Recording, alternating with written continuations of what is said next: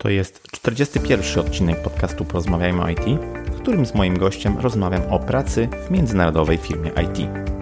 Merytoryczne rozmowy o IT wspiera polecajhome.pl, program partnerski, w którym zyskujesz nawet 400 zł za polecenie hostingu www.polecaj.home.pl. Przypominam, że w poprzednim odcinku poruszyłem temat rekrutacji i pracy zdalnej. Wszystkie linki oraz transkrypcję naszej rozmowy znajdziesz pod adresem porozmawiajmoit.pl łamane na 41. Chcę poszerzać horyzonty ludzi z branży IT i wierzę, że poprzez wywiady takie jak ten, publikowane jako podcasty, będę to robił z sukcesem. Ja się nazywam Krzysztof Kępiński i życzę Ci miłego słuchania. Odpalamy. Cześć. Moim Waszym gościem jest dzisiaj dyrektor technologiczny polskiego oddziału Instapage w Warszawie, programista z wieloletnim doświadczeniem, specjalizujący się w aplikacjach webowych. Speaker na konferencjach technologicznych, współtwórca sukcesu firmy Instapage, prywatnie lubi grać na bębnach i podróżować. Moim waszym gościem jest dzisiaj Piotr Dorojstowski. Cześć Piotr, bardzo miło mi Cię gościć w podcaście. Cześć Krzysztofie, bardzo też mi jest równie miło i witam słuchaczy. Super. A dzisiaj z Piotrem porozmawiamy sobie o temacie pracy w międzynarodowych zespołach IT, właśnie na przykładzie firmy Instapage. Piotr, ja zawsze rozpoczynam od takiego pytania na rozluźnienie o to, czy słuchasz podcastów, a jeśli tak, to jakich najczęściej? No muszę się przyznać, że e, nie mam e, za bardzo, jeszcze nie wszedłem w podcasty i nie mam jakoś specjalnych kanałów, które, czy tam podcastów, które słucham regularnie. Czasami jak mnie temat interesuje, to, to po prostu wtedy odsłuchuję. E, ostatnio zainteresowało mnie Artificial Intelligence od e, takiego e, człowieka, który pracuje w MIT i tam oni rozmawiają tak, jest to połączenie trochę naukowego podejścia z filozoficznym. E, rozmawiają o jakiejś sztucznej inteligencji, ale też o inteligencji ogólnie w kosmosie. Także jest tam taki klimat, że rzeczywiście zakochałem się w tym i to akurat słucham a tak e, czasami też e, jakieś e, podcasty niebezpiecznika jako źródło takich po prostu newsów. Mhm, pewnie, fajna lista. Piotr, mógłbyś krótko opowiedzieć o historii firmy Instapage, bo to jest dobry przykład właśnie na pracę w międzynarodowych zespołach IT.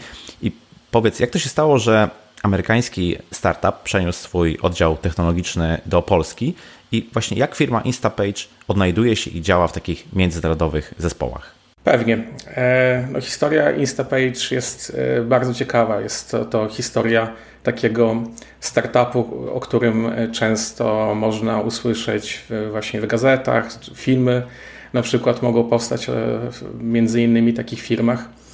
Wszystko się zaczęło od naszego założyciela, Tysona Quicka. Tyson tak jak bokser, tylko że nasz Tyson ma na imię mhm. Tyson, a nie na nazwisko. E, I on e, pochodził z Utah i tam miał e, taki swój startup, który chciał promować. No i do tego chciał użyć landing page'ów. No i e, ponieważ one są po prostu najskuteczniejsze, aby tą reklamę internetową wykorzystać.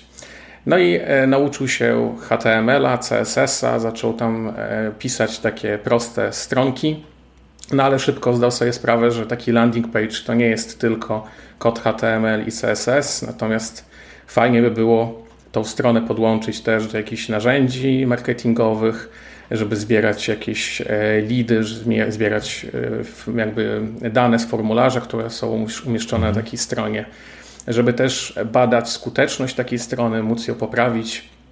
Więc zaczął szukać e, w internecie, czy jest takie podobne rozwiązanie. Nic takiego nie znalazł, więc wpadł na genialny pomysł, że on takie właśnie narzędzie stworzy.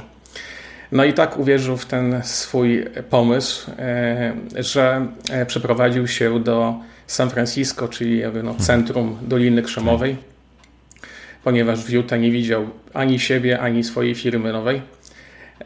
No ale wykorzystał jakby na tą, jakby na tą przeprowadzkę i na te pierwsze wstępne jakieś e, części kodu wszystkie swoje oszczędności z tego poprzedniego startupu. Więc, e, ale cały czas był tak jakby przekonany o, o sukcesie tej firmy, mhm. że zdecydował się spać e, w samochodzie. Miał kartę biblioteczną, więc w bibliotece po prostu pracował, ponieważ było darmowe Wi-Fi higienę jakby realizował na siłowni, ponieważ został mu jeszcze karnet po prostu do, do jakiejś siłowni. No i tak przeżył dwa miesiące, ale w tym czasie zrobił rekrutację freelancerów wykorzystując platformę taką freelancerską. Wtedy ona się nazywała Odesk, w tej chwili się nazywa Upwork. I tam znalazł pierwszego programistę z Polski, Marka Dajanowskiego, który jest do tej pory, pracuje w firmie i jest chief architektem. No i e, Marek stworzył e, tak naprawdę podwaliny e, tej firmy, pierwsze funkcjonalności, które później Tyson przekonwertował na coś wartościowego dla klientów mhm. potencjalnych. No i firma zaczęła się gwałtownie rozwijać. Marek znalazł mieszkanie mm, w Białymstoku w centrum. To było taki z wyższym standardem mieszkanie. Mhm. I e, wtedy właśnie ja doszedłem e, razem z kolegą, który e, też jest na podobnym stanowisku jak ja, tylko że on zarządza Białymstokiem, a ja Warszawą. No i w sześć osób w tamtym czasie byliśmy w tym jednym pokoju. Biurko do biurka było przyklejone i pracowaliśmy po prostu nad taskami. Wtedy jeszcze mieliśmy metodologię waterfallową, więc mhm. nie było tutaj żadnych, nie wiem, podziałów, tak, ale byliśmy trochę takim też teamem crossfunkcjonalnym, trochę takim agile'owym, natomiast no nie było to sformalizowane. No i, e, no i byliśmy świadkami właśnie tego ogromnego wzrostu, ponieważ każdy, każdy task skończony e, skutkował bardzo potężnym jakby wzrostem takim jakby u klientów. Coraz więcej ich do nas dołączało coraz szybciej firma się rozwijała. W tamtym momencie mieliśmy wzrost, no, myślę, że z kilkaset procent miesięcznie, nawet nie rocznie, hmm, tylko Super. miesięcznie. No i e, e, w te sześć osób pracowaliśmy w taki sposób, że aktualny VP of Engineering już nie miał miejsca na swoje biurko, więc e, pracował na stojąco, znalazł sobie taką półkę w regale i po prostu w ramach też ćwiczeń jakby fizycznych to też e, tak przez chyba trzy miesiące na stojąco pracował. Ale no wreszcie już musieliśmy więc, e, zatrudniać więcej e, pracowników, więc musieliśmy mieć, mieć też nowe lokum, bo już w tym pokoju to nawet wszyscy się nie potrafiliśmy zmieścić. I się przeprowadziliśmy też do mieszkania, tylko z, już z takim bardzo, bardzo wysokim standardem. Policzyliśmy, że tam będzie miejsce dla 22 osób. Później okazało się, że udało nam się tam zmieścić 20 chyba 6 osób, zanim się nie przeprowadziliśmy do jednego miejsca. E, ale wszystko było tak samo jakby startupowe jak na początku. E, też to było mieszkanie, nie biuro. Mieliśmy dostęp do, do, do dachu, więc tam często organizowaliśmy imprezy. E, takie często, które wychodziły po prostu spontanicznie. No i wszyscy byliśmy skupieni na tym, żeby, żeby po prostu dostarczać niekoniecznie jak wysokojakościowy kod. Ważne, żeby było szybko i żeby szybko, tak. uzyskać jakąś wartość dla klienta. Także takie były mniej więcej początki. E, już w tym jakby nowym miejscu już mieliśmy tą taką minimalną, wymaganą liczbę osób do tego, żeby zacząć myśleć o przypisywaniu e, tego kodu, który zastaliśmy, ponieważ Mark tak samo, z taką samą filozofią, żeby jak najszybciej kodować, żeby jak najszybciej firma mhm. miała jakąś wartość, no to też rzeczy były pisane e, no jakby z trochę niższą jakością niż to Jasne. później zaczęło być potrzebne. Więc zaczęliśmy przepisywać tą aplikację kawałek po kawałku i tak naprawdę do tej pory cały czas ją przepis przepisujemy mhm. nieustannie. I jeszcze też dużo nam zostało e, tego kodu do, do przekonwertowania właśnie na nowe technologie. No ale już tam zaczęliśmy myśleć poważnie o mikroserwisach, architekturze opartej o właśnie mikroserwisy. E, wtedy gdzieś Mniej więcej w tym czasie e, z S5 przechodziliśmy na S6, co było e, no, taką nowością wielką. Zaczęliśmy już myśleć też o Angularze. On był wtedy jeszcze w wersji beta, ale już jeden projekt pisaliśmy w nim, licząc na to, że niedługo będzie stabilna wersja. Udało się tak trafić w czasie, że zanim wypuściliśmy ten projekt na Angularze, no to już ta stabilna wersja była też wypuszczona przez Google, więc mhm. udało, się, udało się to stabilnie zrealizować.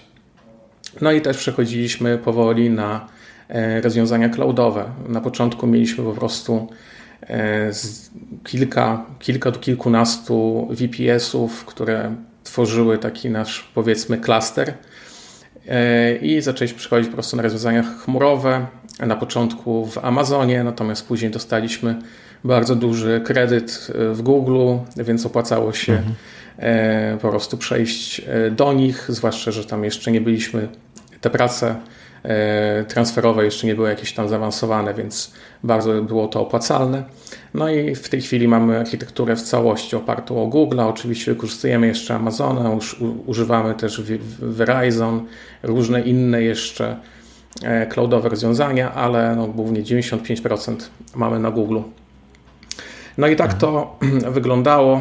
E, zaczynaliśmy od 6 osób, w tej chwili mamy już 100 programistów w Polsce.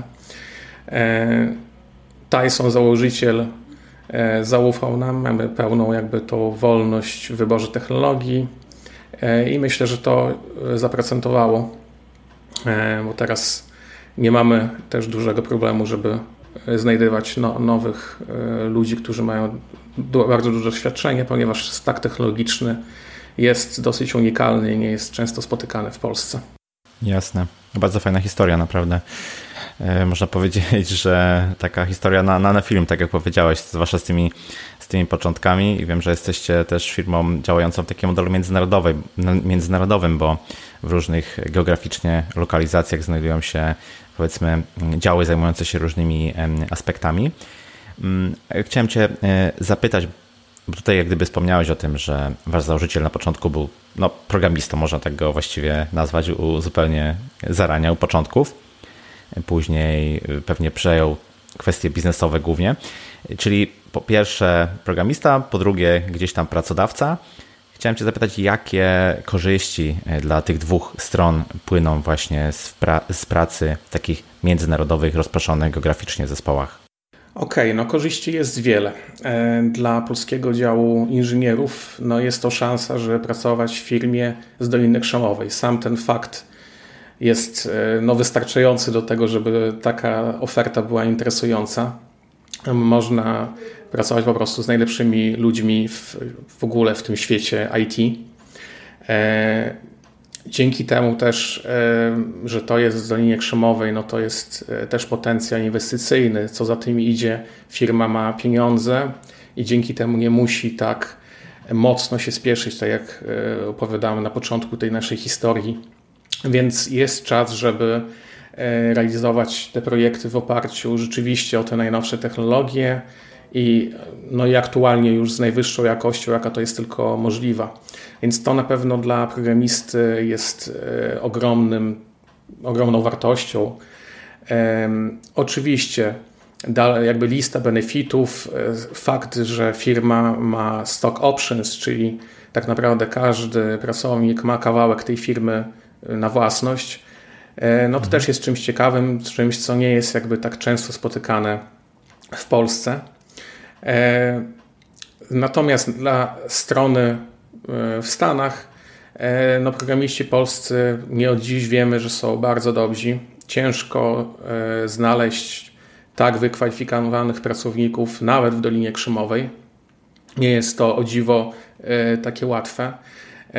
No i ta jakość jest po prostu tym, czym e, Tyson e, jest zachwycony, tym, na co oczekuje. E, kolejne rzeczy, takie jak komunikacja, jakby programiści polscy nie mają problemu, żeby mhm. rozmawiać po angielsku, nawet na jakieś bardzo zaawansowane tematy.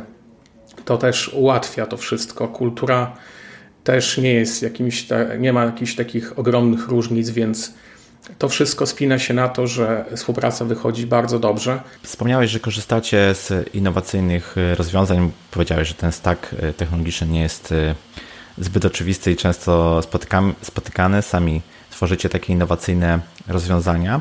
Mógłbyś powiedzieć, jak właśnie ten, ten fakt pracy z takimi fajnymi, innowacyjnymi technologiami wpływa na to, że przyciągacie pracowników z różnych części świata? Tak, z tym przyciąganiem to jest każde miejsce. Mamy cztery biura na świecie, każde biuro e, jest na innym rynku pracy i inne rzeczy też e, przyciągają tych pracowników. Na przykład biuro w, w Stanach no, przyciąga e, samym faktem, że firma Instapage jeszcze nie jest taką firmą, która już jest na giełdzie. Jest to cały czas mhm. taki unicorn, gdzie można właśnie szybko się rozwijać, można też awansować E, są też te stock opcje i to ludzi w Stanach przekonuje do tego, żeby dołączyć do nas. E, ze względu też na to, że tam e, jest rotacja pracowników bardzo, bardzo intensywna, bardzo wysoka, więc oni szukają czegoś, co pomoże w, pomoże w ich karierze. E, pod tym kątem też wybierają firmy. Oczywiście atmosfera, e, jakby praca tam wiem, z ludźmi też jest dla nich istotna, natomiast no wszyscy tam patrzą na to, czy to jest korzystne dla ich kariery i co z tego będą mieli na końcu. E, także takie wartości tam są istotne. No w Rumunii, podobnie jak w Polsce, jest to możliwość pracy właśnie w startupie z Doliny Krzemowej, czyli możliwość rozwoju, E, czyli możliwość właśnie pracy nad takimi projektami, które są używane przez bardzo, bardzo ogromną rzeszę klientów, e, mhm. co często w tych krajach, nawet w Polsce, nie jest takie oczywiste. Oczywiście można wybrać jakąś dużą korporację, no ale wtedy są te minusy tego, że ta praca jest bardzo, bardzo usystematyzowana i tak. głos takiego pracownika niekoniecznie ma e, jakieś znaczenie. E, więc mi, mi się wydaje, że te właśnie wartości są zróżnicowane. Na każdym rynku inaczej się rekrutuje. E, też takie wspólne rekrutacje. Teraz na przykład rekrutujemy stanowiska potrzebne w Stanach, w Polsce. Nie, nie, I tu nie chodzi też o, tylko o programistów, lecz też o grafików, UX designerów i e, przeprowadzaliśmy takie rekrutacje, no i różnice są bardzo, bardzo duże, więc e, hmm. jeśli ktoś ma taką chęć, żeby coś takiego zrobić, to radzę na początku mocno obgadać temat, przygotować się do niego, hmm. ponieważ to jak e, Stany myślą o rekrutacji, a to jak Polska myśli o rekrutacji, to są dwie naprawdę różne rzeczy. Tam to zupełnie inaczej wygląda. No właśnie, wiem, że zachęcacie nowych pracowników do tego, żeby odwiedzili siedzibę w Stanach mają nawet jakiś tam czas na zwiedzanie San Francisco, gdzieś się dowiedziałem. Jak to wpływa na, na morale, na kształtowanie kultury firmy i takie poczucie, że nowy pracownik staje się jej częścią? No bardzo pozytywnie to wpływa e, ogólnie na relacje takie jednostkowe, ponieważ e, wiadomo, że na co dzień komunikujemy się przez internet, wykorzystując Slacka, rzadziej e-mail, często właśnie takie wideo rozmowy. E, no ale to jest, nie jest to idealne. Nawet jeśli ta technologia dalej będzie szła naprzód, to myślę, że jednak e, kontakt, energia rozmowy z osobą face to face, która jest blisko, kiedy widać po prostu całą tą mowę ciała, to jest jednak co innego.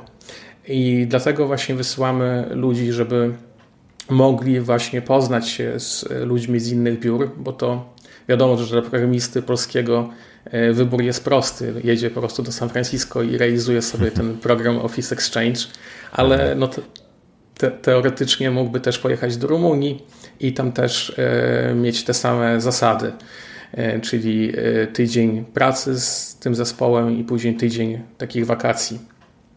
E, to wpływa później, jak ludzie się poznają jakby tak jednostkowo, mogą sobie wyjść na, na piwo, na, na luzie sobie porozmawiać, nie tylko o pracy, to później w pracy o wiele łatwiej e, jest im się zrozumieć.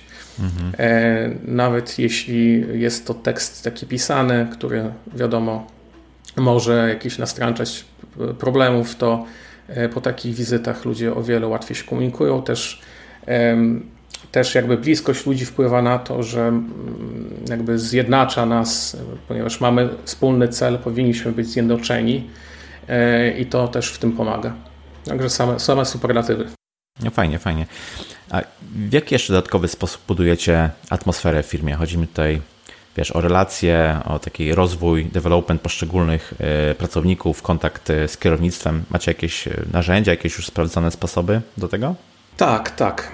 Mamy wiele takich rzeczy. Każdy z działów ma jakby swoje takie odpowiednie dla danego biura rozwiązania.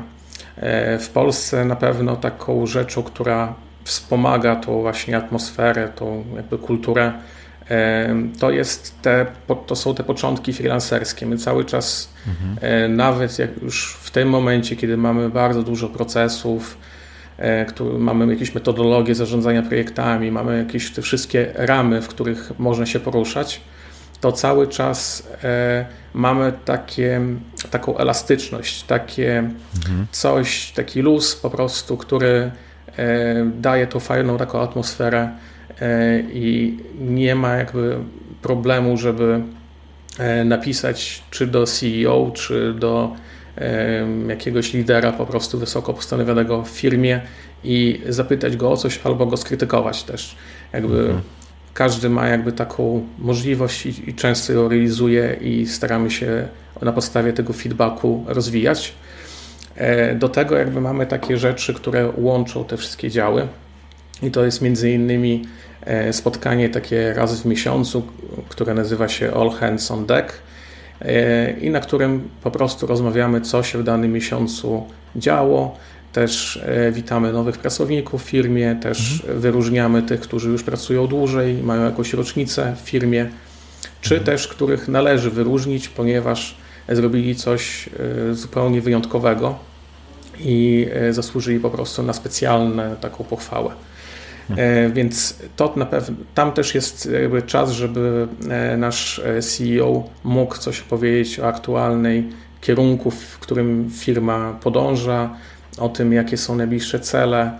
E, oczywiście to wszystko i tak przekładamy na jakby OKR-y, na KPI, -y, na to wszystko, mhm. co jest e, w tego typu firmach.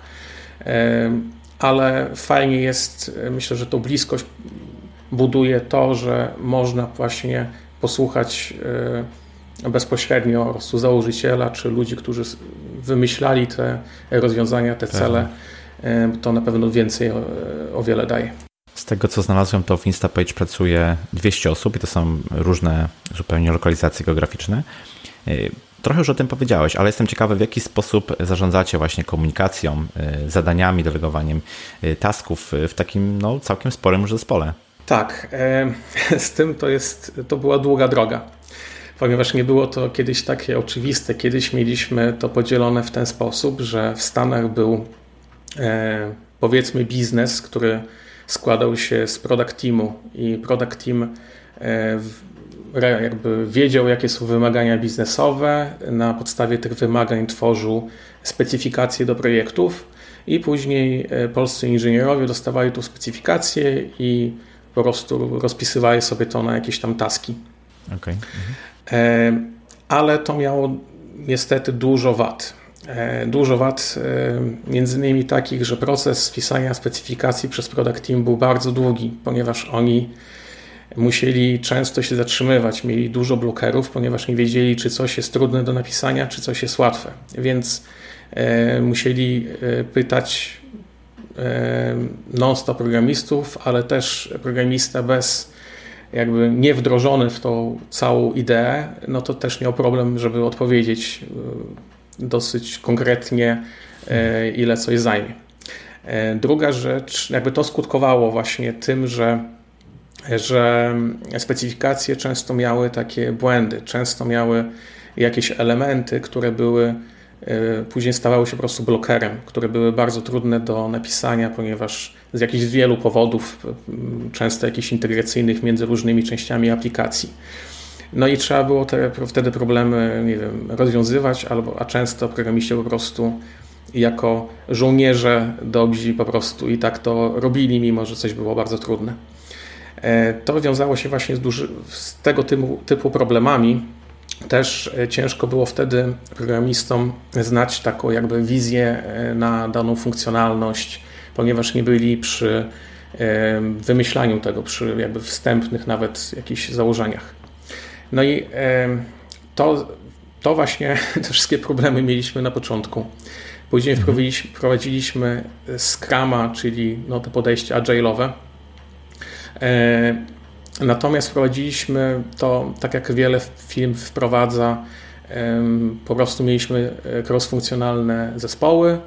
Każdy zespół miał te swoje właśnie projekty, natomiast to jeszcze nie było zbytnio agile'owe.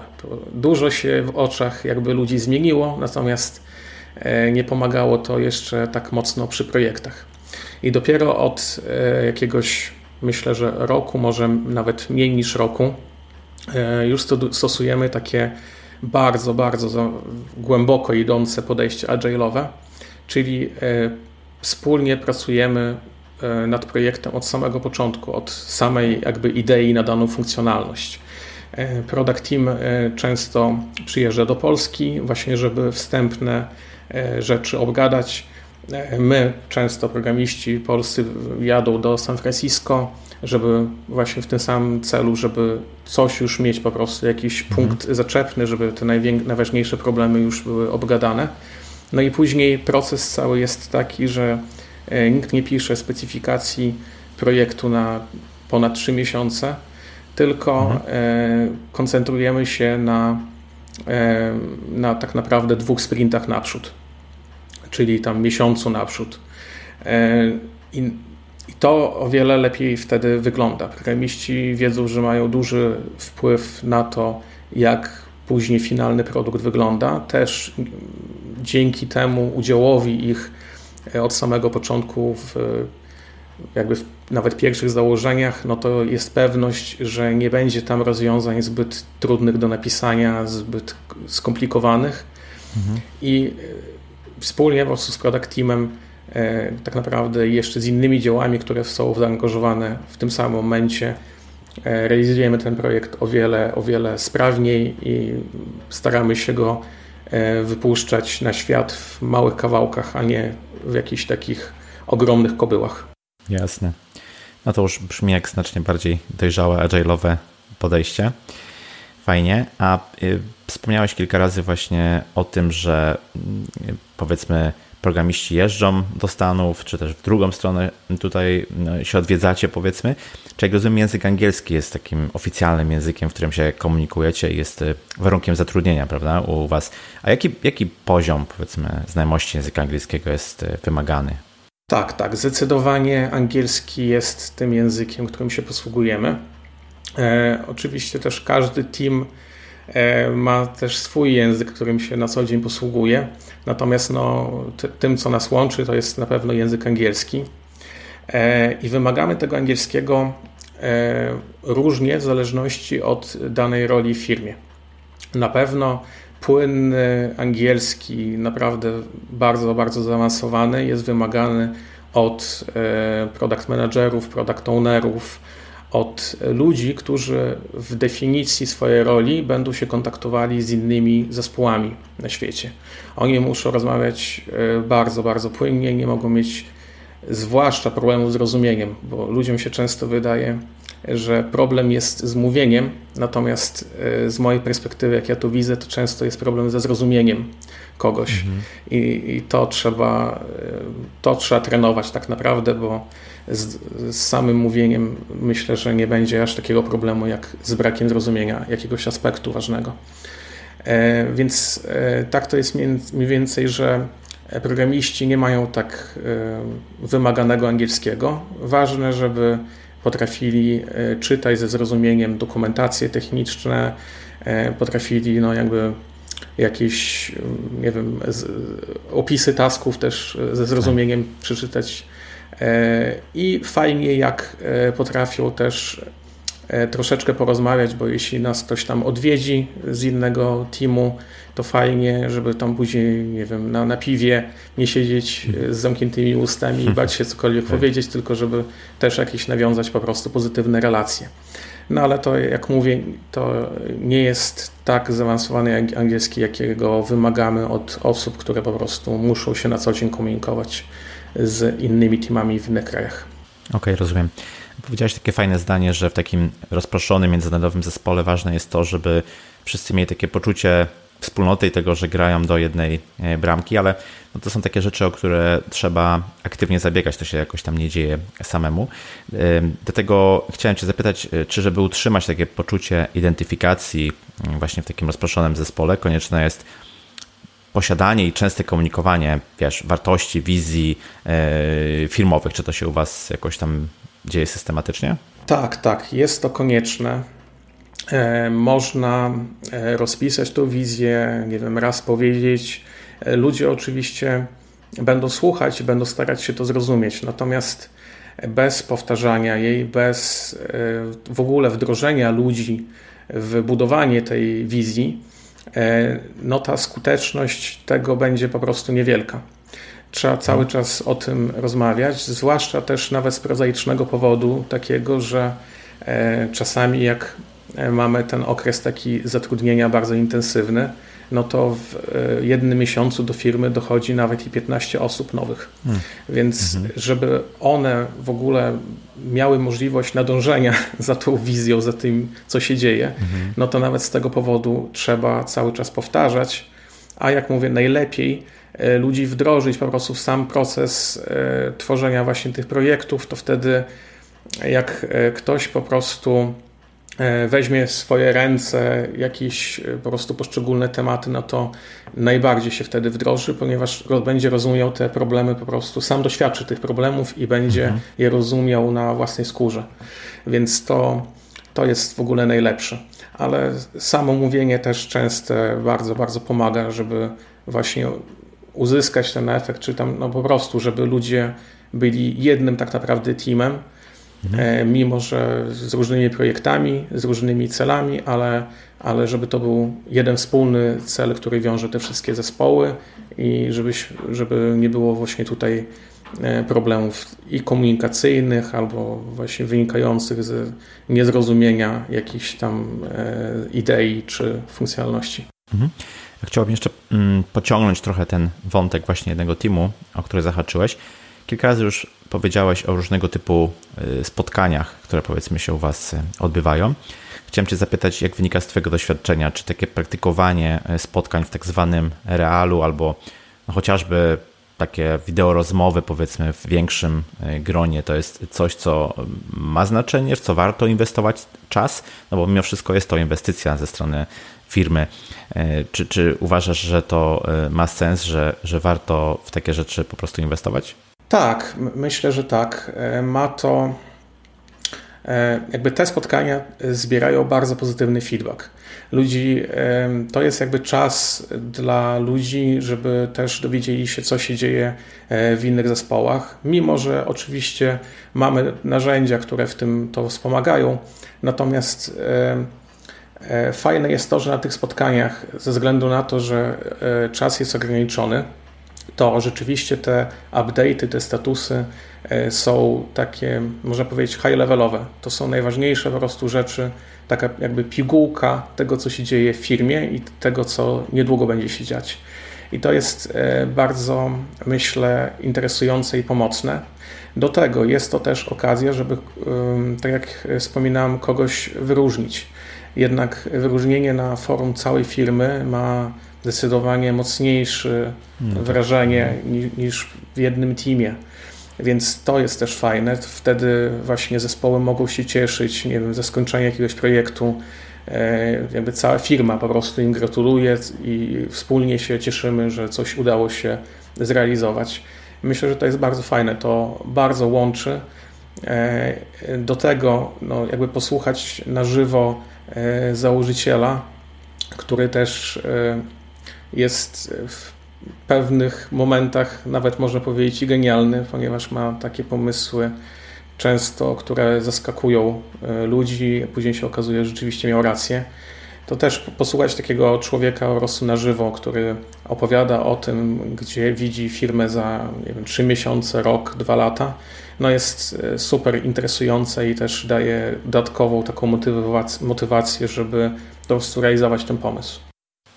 A czy według Ciebie taka firma jak Instapage, firma IT, która jest zbudowana z międzynarodowych e, zespołów, musi e, świadomie, powiedzmy, i strategicznie podejmować takie działania, które mają na celu pokazanie, że no, jest różnorodność w tej firmie, że ta różnorodność powiedzmy leży u jej e, podstaw. Przede wszystkim, że firma akceptuje taką różnorodność i że ją e, wspiera. Czy to jest coś, co trzeba jakoś świadomie pokazywać, wspierać? To jest dobre pytanie. Ostatnio nawet dyskutowaliśmy o tym e, wewnątrz właśnie firmy. Firmę mamy no, bardzo różnorodną. Mamy praktycznie każdą kulturę, jaka jest możliwa zwłaszcza w San Francisco, które jest bardzo zróżnicowane. Ogólnie cała firma jakby stawia na to różnorodność. Jedną z takich wartości firm, firmy e, to, to jest be unique, e, więc zawsze na pewno będziemy wspierać każdą różnorodność. E, I tutaj pytanie, czy powinniśmy też na, na zewnątrz takie wsparcie okazywać. E, mi osobiście wydaje się, że również. Myślę, że należy wspierać e, mniejszości, należy e, dawać sygnał też światu, że, że ci ludzie po prostu nie są sami, że mają wsparcie. I tak też zrobiliśmy, między innymi wspierając Paradę Równości. Mieliśmy, zmieniliśmy logo właśnie na tęczowe na naszych portalach społecznościowych oficjalnych. E, też jakby sympatyzujemy z ideą po prostu, e, która idzie za, za tym ruchem.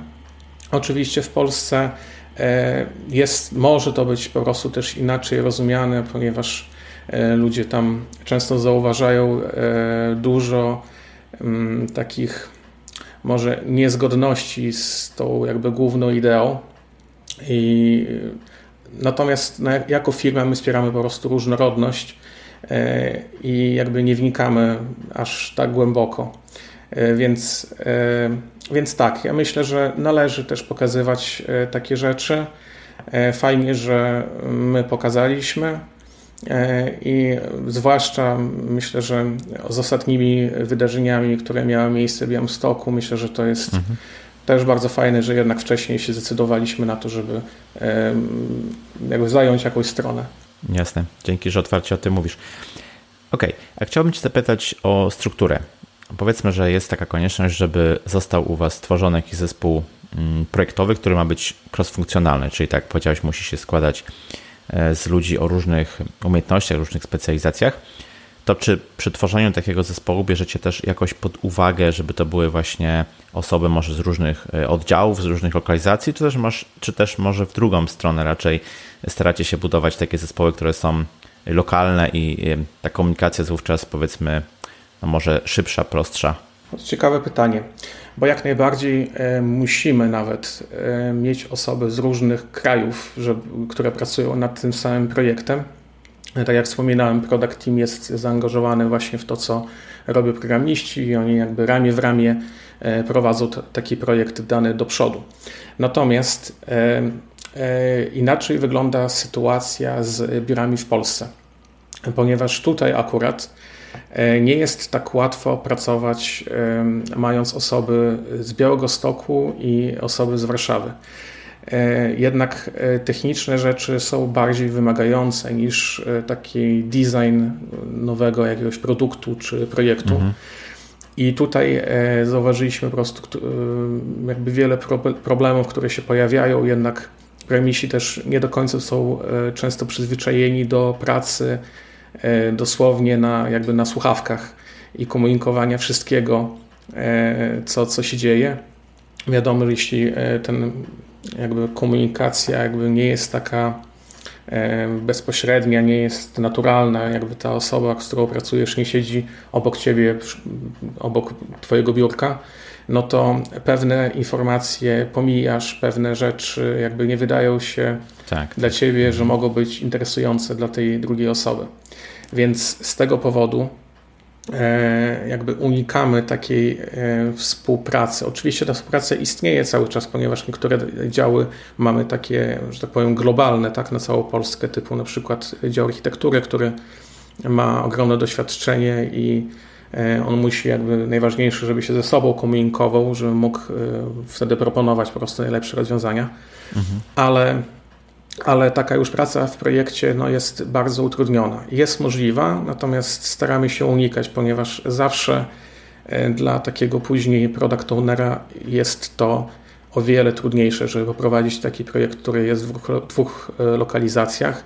Często też to wynika właśnie z naszej struktury, ponieważ mamy tak, taką strukturę, jak wspomniałem, że kolega Krzyś Majewski jest właśnie odpowiedzialny za biuro w Białymstoku, za, za, za kilka właśnie zespołów w Białymstoku.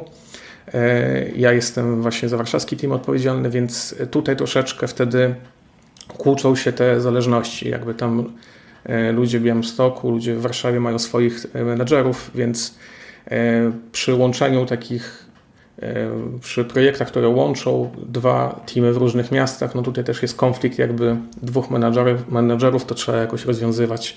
Więc Mhm. Więc tak, jakby z innymi krajami bardzo, bardzo współpracujemy, e, natomiast tutaj wewnętrznie staramy się separować projekty. W jaki sposób w sytuacji, kiedy do projektu kontrybują różne zespołu, zespoły, e, zarządzacie cyklem wytwarzania oprogramowania, mm, jego architekturą, deploymentem, jak to się u Was rozwiązuje? Okej, okay, to e, temat bardzo szeroki. Tak, e, tak. Tak, jak najbardziej. Myślę, że jesteśmy na takim etapie aktualnym, że jeszcze dużo przed nami, zwłaszcza jeśli chodzi właśnie o deployment, continuous integration i wszystkie rzeczy związane z tym, żeby wypuszczać kod po prostu na produkcję. E, to, co mamy w tej chwili, to i co nas blokuje, to jest jeszcze kawałek monolitu e, w PHP, starego po prostu jeszcze kodu, który mhm.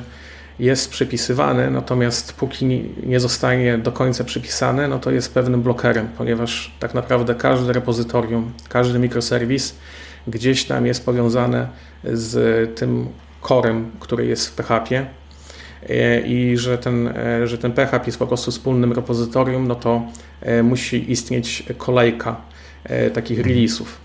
Trzeba sobie po prostu zabukować dany termin o danej godzinie i wtedy e, postarać się po prostu, żeby bezbłędnie ten release e, się udał. Bo, ponieważ po prostu zazwyczaj jeszcze dwóch, e, dwóch jakichś architektów albo dwóch product ownerów czeka po prostu na wolny slot, bo też chcą coś wypuścić. Staramy się releasować jak najczęściej. Często mamy, jakby codziennie praktycznie mamy po kilka takich, my to nazywamy live'ów i tak to było też jakby od zawsze. Gromadzenie kodu nie jest niczym dobrym, ponieważ tylko merge konflikty się robią. E, też e, ludzie nie mają takiego poczucia, że już coś skończyli, tylko mają świadomość, że coś wisi, więc staramy się to wszystko wypuszczać jak najszybciej, mając do tego, pomagając sobie przy tym e, rozwiązaniami takimi, żeby wypuszczać każdy projekt tylko do, do małej części użytkowników, E, których tam może sobie włączyć poprzez e, panel administracyjny aplikacji.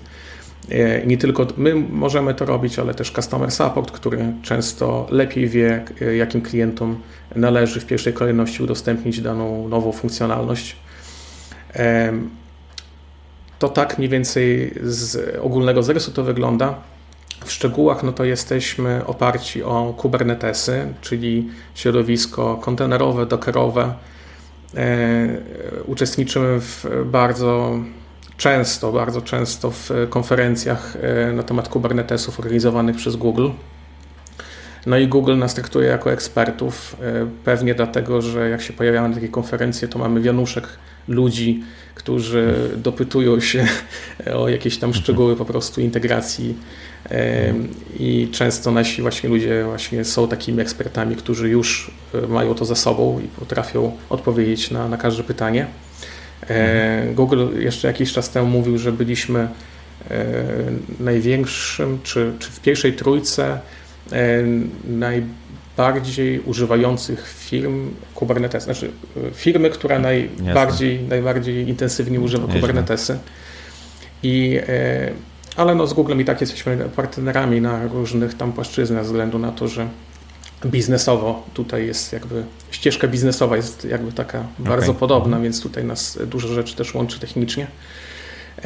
No ale tak, no, Kubernetesy e, wprowadzamy aktualnie Terraform, który pomoże nam tworzyć środowiska o wiele sprawniej i ten deployment do nowych projektów będzie no, o wiele łatwiejszy do zrealizowania.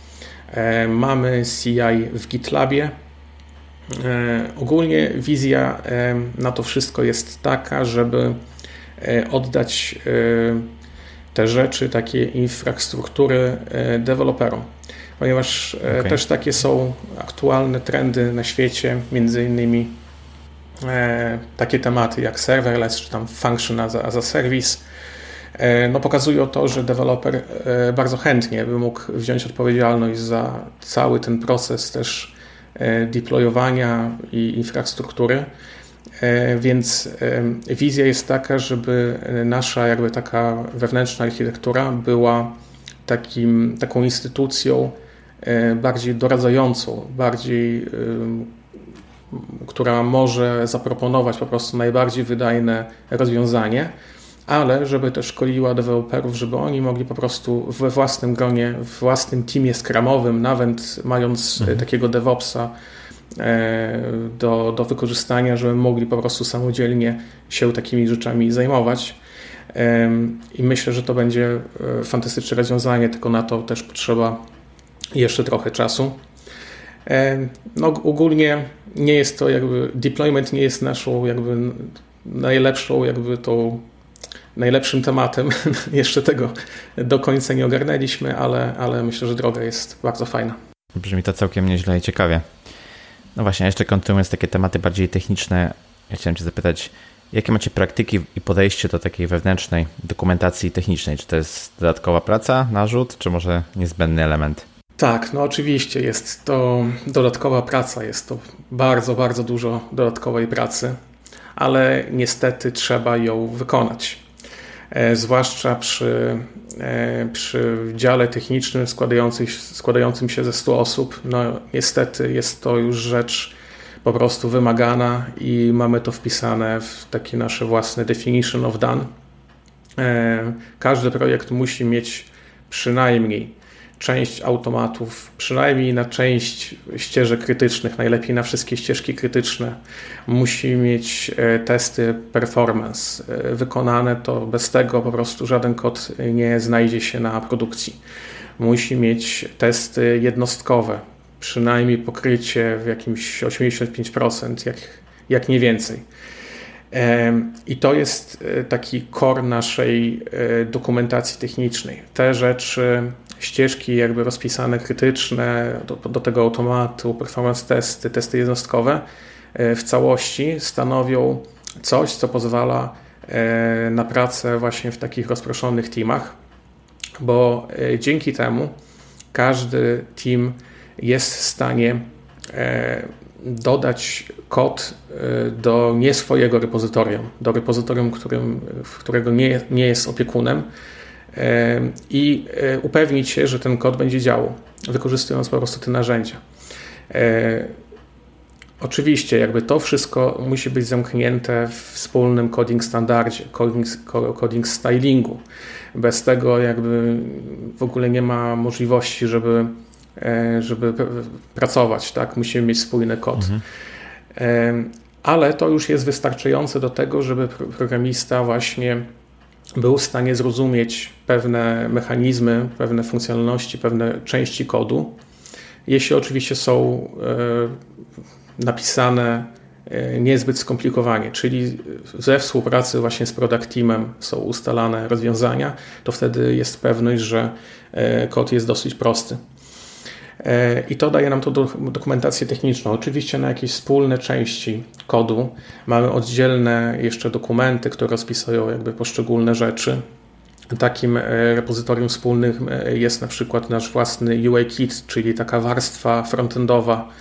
To są komponenty angularowe zamknięte jakby w design, w material designie i każdy zespół po prostu używa tego jako gotowy po prostu UI. E, I tam, e, tam są i dokumenty napisane, i też każdy kod, który wchodzi do tego repozytorium, jest sprawdzany przynajmniej przez parę osób, przez trzy osoby. Jest e, robiony code review, żeby się upewnić, że wszystko ma ten sam wspólny standard i nie ma tam czegoś, co wywoła jakiś problem we wszystkich naszych projektach później. Więc to jest, mi się, mi się wydaje, wystarczająco. Oczywiście można jeszcze tutaj dalej pisać dokumentację techniczną bardziej jakby szeroko, ale z, naszej, z naszego doświadczenia wynika to, że to już jest wystarczająco zupełnie. A czy w takich międzynarodowych zespołach IT niedopasowanie kulturowe jest y, realnym i częstym problemem? Czy mm, według Ciebie da się w ogóle w jakiś sposób temu zaradzić albo zmniejszyć, powiedzmy, wpływ?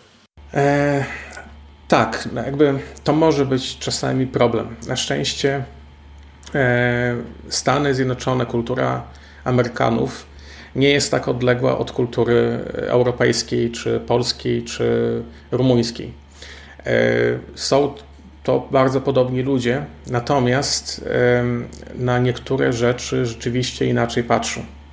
I niektóre rzeczy są też dla, dla nich e, bardziej ważne, a inne mniej. To są jakieś często drobnostki, które wynikają właśnie z, które się jakby okazują w trakcie właśnie jakiejś komunikacji na mhm. dany, na dany temat nie są jakimś problemem dużym, natomiast e, czasami mogą być takim zalążkiem e, jakiegoś problemu. W sensie e, bardzo łatwo jest czegoś nie powiedzieć właśnie drugiej stronie, co później okazuje się, że dla tej właśnie drugiej strony jest bardzo istotne. Też komunikacja ze strony Stanów do Polski może być dla Polaków czasami zbyt bezpośrednia, E, albo mhm. zbyt szorstka, e, pozbawiona na przykład empatii. To są już jakby takie skrajności, e, a tak naprawdę nie jest. To jest tylko sposób po prostu komunikacji, który nie ma za sobą jakichś emocji negatywnych. Jest po prostu taką komunikacją po prostu bardziej bezpośrednią. Mhm. Więc Akurat między Polską a Rumunią to w ogóle nie ma żadnych barier. To jest bardzo, bardzo podobna kultura, więc tutaj mhm. nie widzę na, na najmniejszych problemów. Ale ogólnie, całościowo te problemy kultury e, nie są jakimiś takimi istotnymi. One same się po prostu naprawiają czy poprawiają e, w czasie po prostu wspólnej pracy między zespołami i y, nawet całościowo, jak na to patrzę, nie stanowią jakiegoś wyzwania czy, czy problemu. Okej, okay. a jestem ciekaw, jak sobie radzicie z e, różnicą w strefach czasowych, różnicą czasu, bo e, powiedzmy San Francisco, Warszawa to chyba 9 godzin, prawda, e, różnicy. Jestem ciekaw, czy to ma jakieś przełożenie na to, w jaki sposób pracujecie, w jaki sposób się komunikujecie. Tak, no to ma ogromne znaczenie. Niestety te 9 godzin to jest właśnie e, wystarczająco dużo, że wymaga no, planowania i wykorzystywania kalendarza, żeby umawiać spotkania.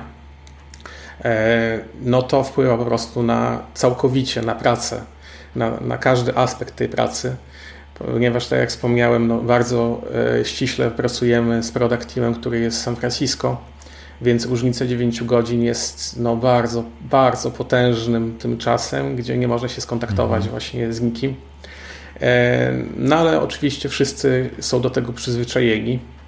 E, ta e, inna strefa czasowa wymaga od osób, które komunikują się właśnie z, tą, z, tą, z tym teamem, który jest w drugiej strefie czasowej, tego, żeby być dostępnym od godziny 16 powiedzmy do 18 przynajmniej. Mhm.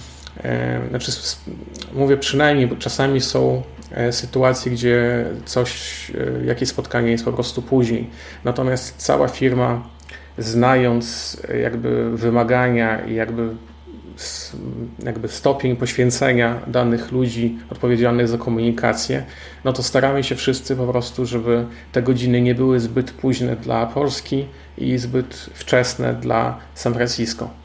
I e, uzyskujemy taki po prostu kompromis, który jest akceptowalny i nie zaburza po prostu lifestyle'u e, poszczególnych osób, które są zaangażowane w tą komunikację. E, natomiast no też czasami nie da się uniknąć właśnie takiego czegoś, że spotkanie jest o godzinie 20. Z tego względu, mhm. że tym spotkaniu uczestniczą, jest, uczestniczy kilka osób po prostu z San Francisco, kilka osób z Polski no i już nie da się po prostu ustawić, nie ma pustego miejsca w kalendarzu, żeby to po prostu zrobić lepiej, bo każdy jest zajęty mhm. zazwyczaj między tym polskim czasem 16-18, bo ma spotkania projektowe. Także Jasne. E, jest to duży problem. Dla product ownera jest to często taka sytuacja, że on jest świadomy, że ma 9 godzin, żeby odpowiedzieć na coś, więc, hmm. więc nie odpowiada od razu, tylko sobie to ustala gdzieś tam w tudu dziennym, że musi na coś tam odpowiedzieć, ale ma jeszcze na to 9 godzin, więc na spokojnie sobie to planuje.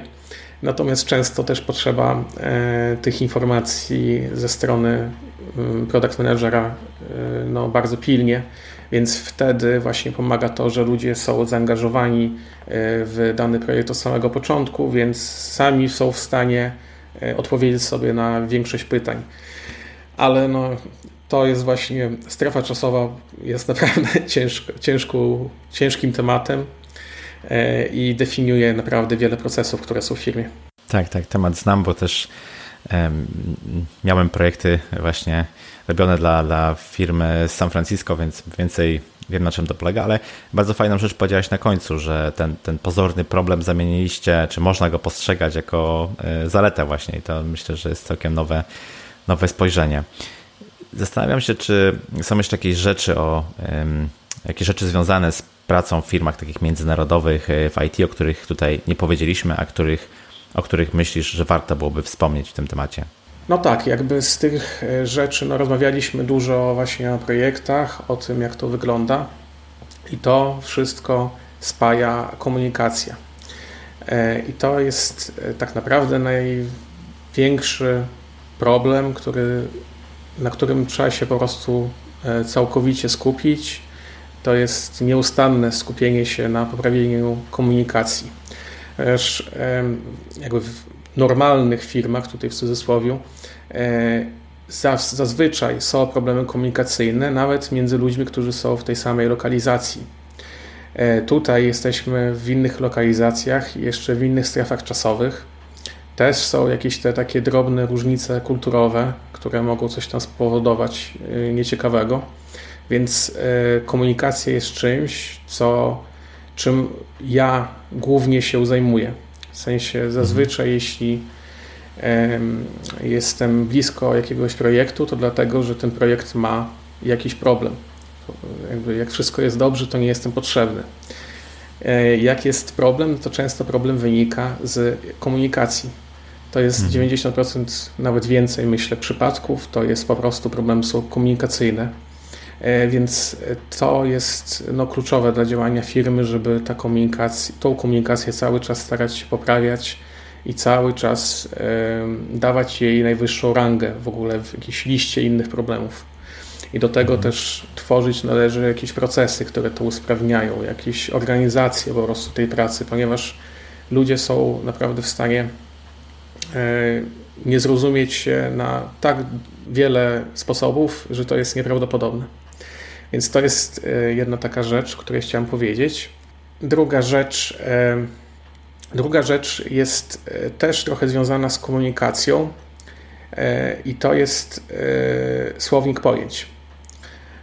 Trzeba jakby mieć świadomość taką, że słownik pojęć jest naprawdę, może być, zupełnie mogą być różne definicje. Tym na przykład, tutaj przykład jest taki, że tym jakby beta wersja beta dla programisty jest zupełnie czymś innym niż wersja beta dla product managera. No tak.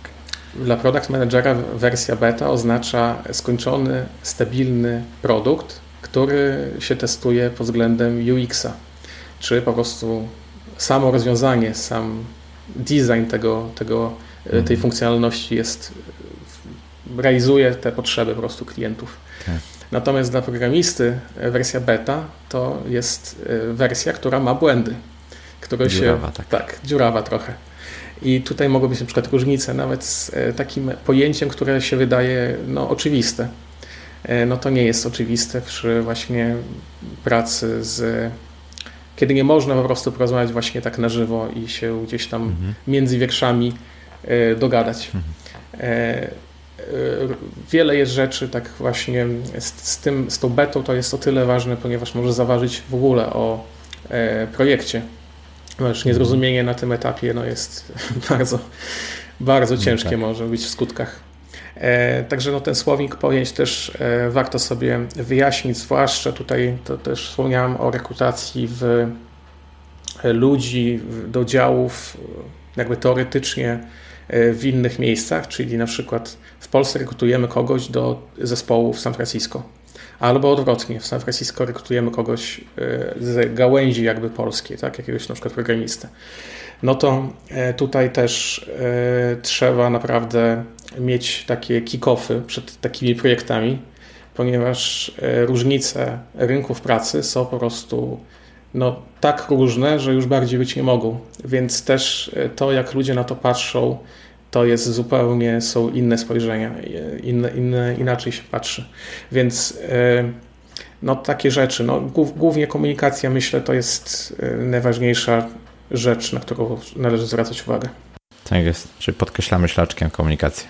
Okej. Okay. Na koniec chciałbym Cię jeszcze Piotr, zapytać, jakie wyzwania e, przed Instapage stoją na najbliższą przyszłość, zarówno pod kątem rozwoju firmy, e, wzrostu liczby pracowników, jak i ekspansji międzynarodowej. E, to jest ciekawy moment dla Instapage, ponieważ jakby nareszcie po tych wielu, wielu latach, po 30% w ogóle życia całego naszego założyciela Tysona, ponieważ Tyson jest trochę młodszy -hmm. od od nas, więc e, u niego to już jest 30% życia poświęconego na tą firmę. E, no to wreszcie po takim czasie wiemy dokładnie, czego potrzebuje nasz klient. Taki, że tak powiem, idealny, tak? No i tym wiemy też, kim jest ten idealny klient. Tym idealnym klientem jest klient zdecydowanie enterprise'owy, czyli jest to jakaś duża agencja, która ma jakby swoich klientów, e, albo duży klient typu jakiś Eurosport, czy eBay, czy Uber. Mhm. E, więc oni są naszymi klientami, ponieważ im najbardziej zależy na zwiększaniu e, skuteczności reklamy w internecie. To oni mają najwyższe budżety i dla nich każdy procent to jest no, różnica często milionu dolarów. Więc wiemy już na kim się skupiać i wiemy też, czego oni potrzebują do realizacji tych swoich założeń. Bo prawda mhm, jest taka, mhm. że e, nasi klienci e, są tak naprawdę zmuszeni do poprawiania swoich konwersji, ale zupełnie nie chcą tego robić. W sensie, gdyby nie musieli tego robić, no to by nie robili. Więc naszym zadaniem jest to, żeby jak najwięcej rzeczy zautomatyzować i jak najwięcej e, rzeczy udostępnić im, które e, sprawiają, że ich praca jest łatwiejsza. Więc e, to są tak naprawdę cele na, na, do, na pewno do końca roku, ale pewnie na, też na najbliższe parę lat. No naszym oczywiście głównym celem jest pozyskanie jeszcze kilku dofinansowań od inwestorów no i e, docelowo wejście na giełdę. Taki jest e, cel firmy, każde, każdej firmy IT w Dolinie Krzemowej. Mimo, że e, często firmy nie wchodzą na tą giełdę przez wiele, wiele lat, no ale no taki cel zawsze mają, żeby zwiększać wartość firmy, ponieważ to jest taka gra zero-jedynkowa, albo właśnie się zwiększa tą wartość firmy, albo się bankrutuje po jakimś czasie. Nie, ma, nie może sobie tak przeczekać e, tego całego, tego wszystkiego, co się dzieje na jakimś takim bezpiecznym siedzeniu, tylko trzeba albo mocno, no mocno tak. iść do przodu, albo, albo po prostu firmy wtedy upadają. Więc no, celem naszym jest na pewno rozwój. No i właśnie w te automatyzacje już mamy tutaj jakby podwaliny pod to, e, więc e, niedługo myślę będą już powoli wychodzić te projekty, które, nad którymi w tej chwili pracujemy, które będą, myślę, mhm. dosyć innowacyjne i trochę zawojują tym rynkiem marketingowym. Troszeczkę ludzie myślę, że będą mieli inne spojrzenie na to i e, wiele też firm e, zdecyduje się na realizację pomysłów, e, których bali się wcześniej zrealizować, bo bali się po prostu o sprzedaż, o cały ogrom pracy wynikających z tym, żeby sprzedać jakiś produkt. No z, z tymi rozwiązaniami myślę, że będzie im o wiele łatwiej i będą mogli się skupić na po prostu prowadzeniu tych e, swoich biznesów, realizacji tych pomysłów, a niekoniecznie martwieniem się o sprzedanie ich. Ambitne plany, trzymam kciuki. No i dziękuję za poświęcony czas, ciekawą rozmowę, w której naświetliłeś, Piotrze, pracę, czy nieblaski pracy w międzynarodowych zespołach e, IT, także jeszcze raz wielkie dzięki. Dziękuję. No powiedz, gdzie Cię można znaleźć w internecie. No niestety e, ja nigdy nie uczestniczyłem w takich projektach typowo open source'owych, więc nie mam publicznego repozytorium, ale można mnie na pewno spotkać na takim meetupie Shipit, który się odbywa w Warszawie mniej więcej raz na miesiąc. E, aktualnie e, jesteśmy w biurze na prostej 70 e, i tam zazwyczaj są dwie prelekcje techniczne. Meetup jest dla osób średnio zaawansowanych i dla seniorów, więc jest to pewnego rodzaju, no może nie, nie jest to jakoś zbytnio oryginalne, ale na pewno doceniane przez ludzi, którzy zazwyczaj nudzą się na, na, na innych tego typu meetupach. Także zapraszam serdecznie, tam można ze mną porozmawiać na żywo, a e, ogólnie mój profil jest na LinkedInie, można znaleźć jakieś tam publikacje z moim udziałem gdzieś w internecie, ale niestety nie mam jakiegoś linku ze swoją wizytówką. Jasne, to wszystko zalinkuję. Jeszcze raz wielkie dzięki, no i do usłyszenia. Cześć. Dziękuję bardzo. Pozdrawiam. I to na tyle z tego, co przygotowałem dla Ciebie na dzisiaj. Praca w międzynarodowej firmie IT daje sporo możliwości poznania nowych kultur i wymiany doświadczeń, ale jest też wyzwaniem w zarządzaniu i komunikacji. Page jest firmą, która ma w tym względzie dużo doświadczeń, dlatego warto czerpać wiedzę i inspirację z tego, co mówił Piotr. Jeśli masz jakieś doświadczenia w tym temacie, napisz na stronie podcastu lub na fanpage'u na Facebooku, na który Cię serdecznie zapraszam, jak i do kontaktu ze mną pod adresem krzysztofmałpa.porozmawiajmyit.pl jeśli spodobał Ci się ten odcinek, podziel się z nim w social mediach lub oceń w aplikacji, w której słuchasz podcastów. Miło mi było gościć w Twoich uszach. Ja się nazywam Krzysztof Kępiński, a to był odcinek podcastu Porozmawiajmy IT o pracy w międzynarodowej firmie IT. Zapraszam do kolejnego odcinka już za dwa tygodnie. Cześć!